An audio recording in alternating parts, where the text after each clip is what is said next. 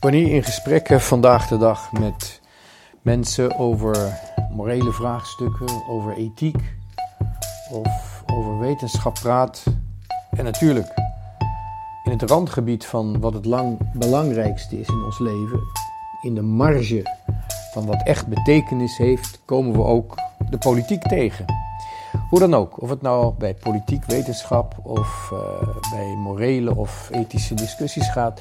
Je komt vaak als je je standpunt duidelijk maakt en probeert uit te leggen, kom je weer die dooddoener tegen, waarmee natuurlijk alles wordt afgerond. Ja, maar je moet met de tijd meegaan. Of je kunt dat in deze tijd niet zeggen. Of, nog veel sterker, je, kunt, je mag dat in deze tijd niet zeggen. Er is een hele merkwaardige zelfcensuur vandaag bij de mensen, waarbij het argument, je moet met de tijd meegaan, een enorm belangrijk, eh, belangrijk argument is. Deze dooddoener, je met, moet met de tijd meegaan. In deze podcast gaat Pater Elias op zoek naar wat echt is. Hij gaat de uitdaging aan om een zo helder mogelijk beeld te vormen van hoe de wereld in elkaar steekt. Dit is de Pater Podcast.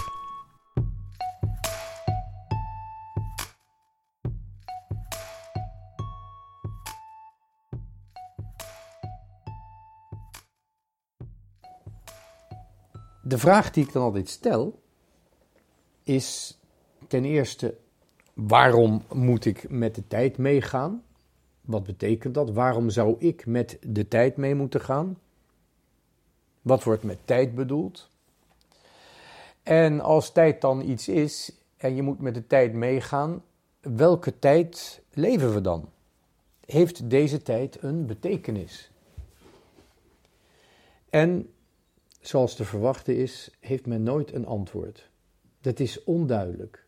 Waarom ik mijn vrijheid zou moeten opgeven om de tijd richting aan mijn leven te laten geven?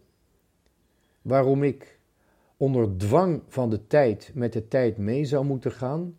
Dat wordt nooit duidelijk gemaakt. Sterker nog, waar we naartoe gaan, met welke tijd we dan moeten meegaan, dat wordt ook niet verteld. Welke tijd we leven blijft altijd onduidelijk. En waar we heen gaan, daar wordt helemaal geen vragen over gesteld. Maar als je een beetje doorgraaft, dan is eigenlijk niemand echt optimistisch over de richting waarin alle dingen gaan. Met andere woorden, er is een soort van nieuw, modern fatalisme dat zich van de mensen meester heeft gemaakt en hun wil onderdrukt heeft.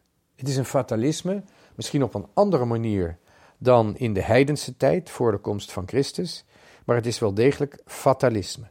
Je moet met de tijd meegaan.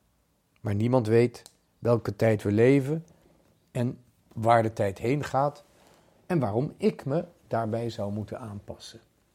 Het doet me denken aan een getuigenis die ik ooit heb gehoord, ik weet niet precies meer waar, waarbij in een concentratiekamp een slachtoffer, voordat hij vermoord werd, aan een kampbewaarder vroeg of hij het normaal vond dat mensen naar de gaskamer werden gestuurd. En dat hij daarbij een rol speelde. Dus een, iemand die zou worden vergast, die stelde aan een misdadiger, een dader van het grote vergassingsproject, stelde hij de vraag waarom hij daaraan meedeed en wat hij ervan vond. En het antwoord van deze um, SS'er was: Es moest zo zijn. Het moet zo zijn. En ik vraag me af of wij niet ook in onze tijd vaak dat argument horen en misschien zelfs wel gebruiken. Es moest zo zijn. Wanneer we kijken naar de oorsprong van deze waanzin, ik kan het niet anders waanzin noemen, de oorsprong van deze waanzin, wanneer we, daar, de, wanneer we die gaan opsporen, dan komen we de filosoof Hegel uit. Die ook nog bij veel theologen heeft doorgewerkt. Namelijk, de betekenis van ons bestaan ligt in de geschiedenis. Er is een filosofie van de geschiedenis. De geschiedenis zou volgens Hegel, heel uh, met eenvoudige woorden gezegd, de, de geschiedenis en dus ook de veranderingen hebben betekenis op zichzelf. Het maakt niet zozeer uit waar je vandaan komt, waar je heen gaat, als je maar beweegt. Het maakt niet uit wat je was, het maakt niet uit wat je wil worden of gaat worden, als je maar verandert.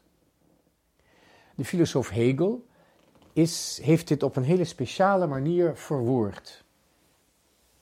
En ook onder theologen die een grote rol hebben gespeeld in de theologie die rond de Tweede Wereldoorlog en vooral daarna werd ontwikkeld. Ook bij de theologen was dit een heel uh, ja, gangbaar idee. En uiteraard zitten daar ook filosofen bij, of theologen, sorry, daar zitten ook theologen bij, die een rol hebben gespeeld of invloed hebben uitgeoefend op het Tweede Vaticaans Concilie. En dat betekent dus voor de dogma's, omdat geschiedenis op zichzelf staat en veranderingen er zijn vanwege de verandering zelf, dat betekent dus ook dat dogma's kunnen veranderen.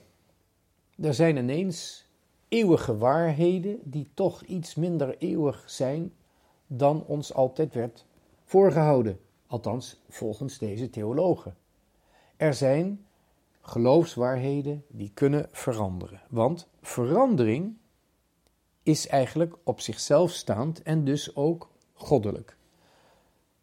En we zien hier in feite ook een echo van in de revoluties.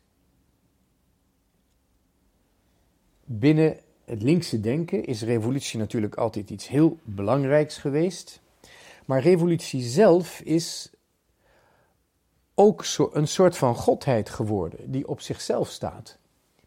Waar het oorspronkelijke idee was dat we van een onrechtvaardige wereld naar een rechtvaardige wereld gingen, zouden moeten gaan volgens het Marxisme,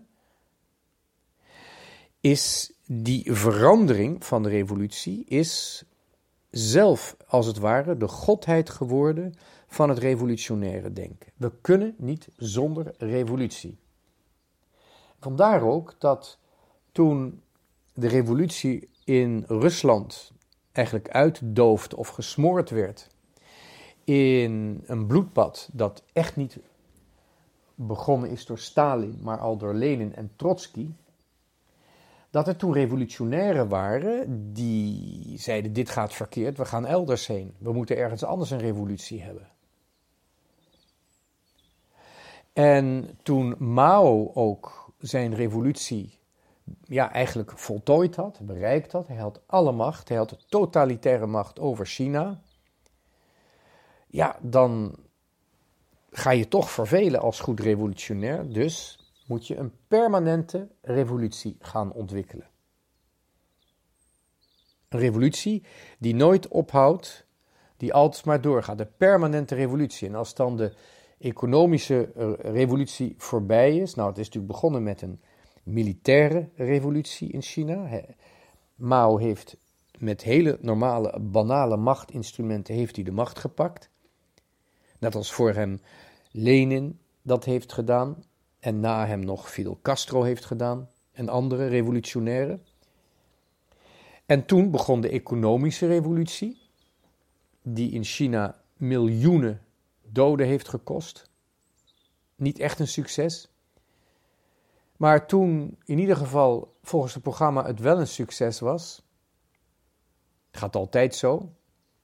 Het communisme is altijd gebaseerd geweest op de leugen, want er is geen waarheid die blijft. Dat is heel normaal. Als alles verandert, is er ook geen waarheid meer. Of althans, de waarheid verandert de hele tijd. Het verleden kan zelfs veranderen in het communisme. Het verleden wordt permanent herschreven. Als dan die verandering een god is geworden en de economische revolutie is mislukt, maar eigenlijk juist gelukt omdat ook de betekenis van het woord mislukking verandert, ja, dan ga je weer een revolutie uitvinden. En dat wordt dan de culturele revolutie. Die ook weer duizenden, zo niet miljoenen levens kost. Het gaat maar door, want het moet maar doorgaan. Verandering en revolutie zijn een godheid geworden. En uiteindelijk, inderdaad, moeten ook dogma's, die per definitie waarheden betekenen, die onveranderlijk zijn, ook die dogma's moeten veranderen. Dus het proces van de menselijke geest, dat Hegel heeft beschreven, en dat dus daarom ook een Hegeliaanse filosofie wordt genoemd, altijd vanuit tegenstellingen verandering teweeg brengen. En als die tegenstellingen er niet zijn, dan creëer je ze, want er moet verandering komen. Die manier van denken die de Duitse filosoof Friedrich Hegel zo heeft, precies heeft beschreven, dat is eigenlijk, wanneer ik kijk naar de argumenten die worden gebruikt, is dat de sterkste onderstroom van onze cultuur. Je moet met de tijd meegaan. En de tijd bepaalt wat je wil, dus je hebt eigenlijk geen eigen vrije wil meer. We gaan even pauzeren.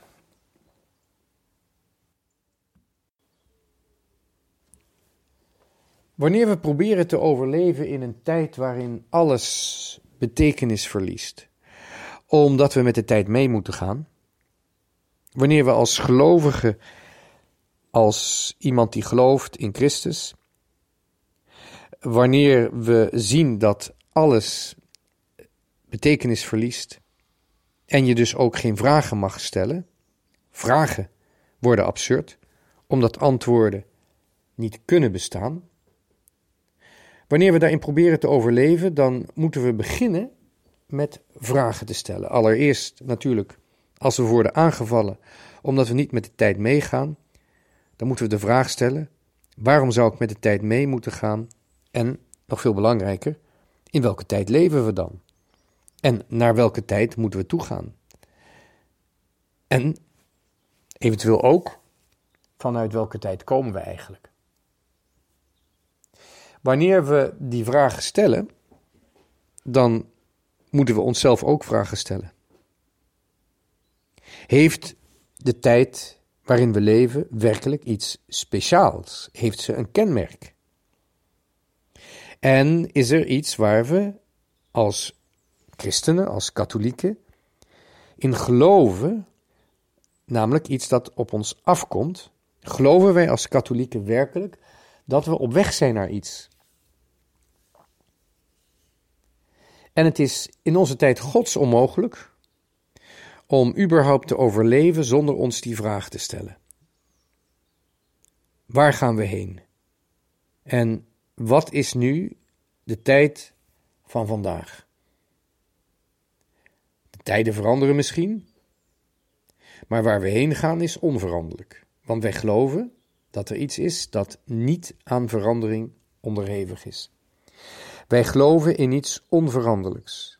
Wij geloven in iets eeuwigs. Sterker nog, wij gaan naar iets toe dat door de eeuwigheid is bedoeld voor de mens. De mens is bedoeld, is geschapen voor de eeuwigheid. En daar, om dat te bereiken, was binnen deze wereld onmogelijk maar is mogelijk geworden door de bemiddeling van de eeuwigheid zelf.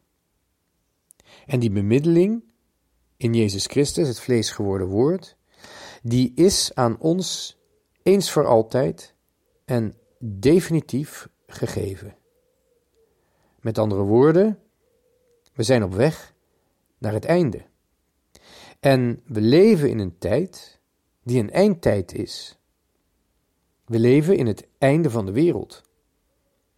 En de tekenen dat we leven in het einde van de wereld, in de eindtijd, is niet dat er rampen zijn, of oorlogen, of enge ziektes.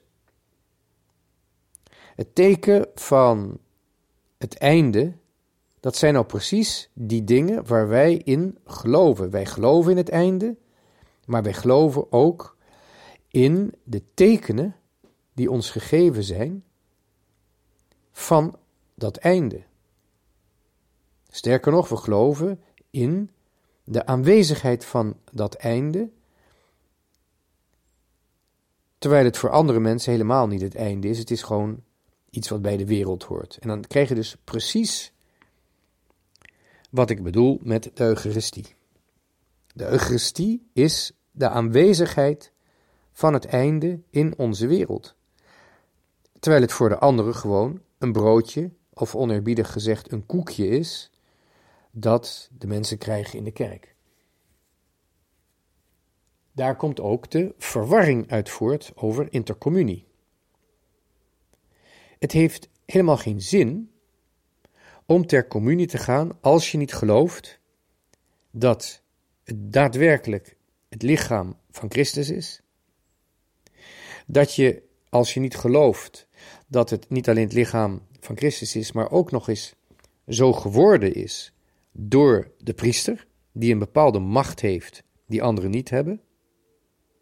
De priester heeft de macht om die verandering teweeg te brengen. En die macht heeft hij ontvangen. Die heeft hij niet van zichzelf. Het is een mandaat, het is een opdracht. Om dat brood te veranderen in het lichaam van Christus. Dus wie in de heilige mis naar de communie gaat, die maakt een gebaar waarmee hij uitdrukt dat hij gelooft in de daadwerkelijke aanwezigheid van Christus. Bovendien in de priester en zijn priesterschap dat hij ontvangen heeft, met andere woorden. Het is echt absurd om naar de communie te gaan als je geen rooms-katholiek bent. Als je niet rooms-katholiek bent, als je niet gelooft in de hiërarchische structuur van de kerk, dan is het absurd om naar de communie te gaan. En sterker nog, je moet ook respect hebben voor de mensen die zeggen dat het een heiligschennis is. Het is niet alleen een zaak van gezond verstand, het is ook een zaak van respect voor het geloof. Intercommunie kan niet, het klopt niet. En voor de mensen die werkelijk beseffen of werkelijk geloven wat intercommunie is, is het ook een vorm van heiligschennis. De sacramenten en met name de Eucharistie zijn voor de gelovigen precies de aanwezigheid van het einde waar we naartoe op weg zijn, maar het is ook een teken van waar we naar weg, op weg zijn. Dus het is aan de ene kant een aanwezigheid, het is aan de andere kant een teken. Het is een teken van het einde. We zijn op weg. We zijn nog op weg. Het is een brood voor onderweg. Namelijk een goddelijk brood voor onderweg. Al die andere dingen, de rampen, de oorlogen, de enge ziektes. Wat mij betreft uh, mag je er aan toevoegen, toevoegen wat je wil. Dat zijn geen tekenen van het einde van de wereld. Het zijn tekenen van het verkeerde begin. En steeds meer in onze tijd, maar ook in onszelf, in ons eigen leven, naarmate de tijd vordert, wordt er een onderscheid zichtbaar. Wij kunnen zelfs erdoor verscheurd worden door dat onderscheid. Aan de ene kant de mens die nog steeds zichzelf straft omdat het geweten de mens veroordeelt. Daar hebben we God helemaal niet voor nodig. Dat is de ene kant. Ons geweten straft ons. Wij kunnen onszelf vanwege de zonde niet lief hebben. We straffen onszelf. En het wordt steeds meer duidelijk dat de straf niet zozeer een gevolg van de zonde is, maar eigenlijk samenvalt met de zonde. Wanneer je het, soms, soms het gedrag ziet, wat wordt gerechtvaardigd met de vrijheid, ik doe het omdat ik er zin in heb. Als je dan goed kijkt, is het eigenlijk een soort van zelfbestraffing. Dat is de ene kant van het oordeel dat zichtbaar wordt. De wereld die steeds meer in zichzelf opgesloten raakt, of eigenlijk ook de ziel die zichzelf steeds meer straft. Dat is één kant van het oordeel. Aan de andere kant van het oordeel is er de ziel die vergeving ontvangt nadat het gevraagd is. Let wel, nadat het gevraagd is. Na de bekering volgt Gods goedheid, Gods barmhartigheid, waardoor de ziel niet alleen de liefde van God kan ontvangen, maar ook zichzelf kan beminnen. De ziel kan zichzelf lief hebben, omdat God de ziel lief heeft. En dan kan die liefde ook worden doorgegeven. Dat is de naaste geven. Dat is de naaste liefde. En dat is wel het oordeel dat steeds meer duidelijk wordt in ons eigen leven, naarmate de tijd vordert, naarmate we met God in zee gaan, naarmate we God ons hart laten veranderen. Maar omdat het voor iedere mens geldt, geldt het in zekere zin ook voor de wereld.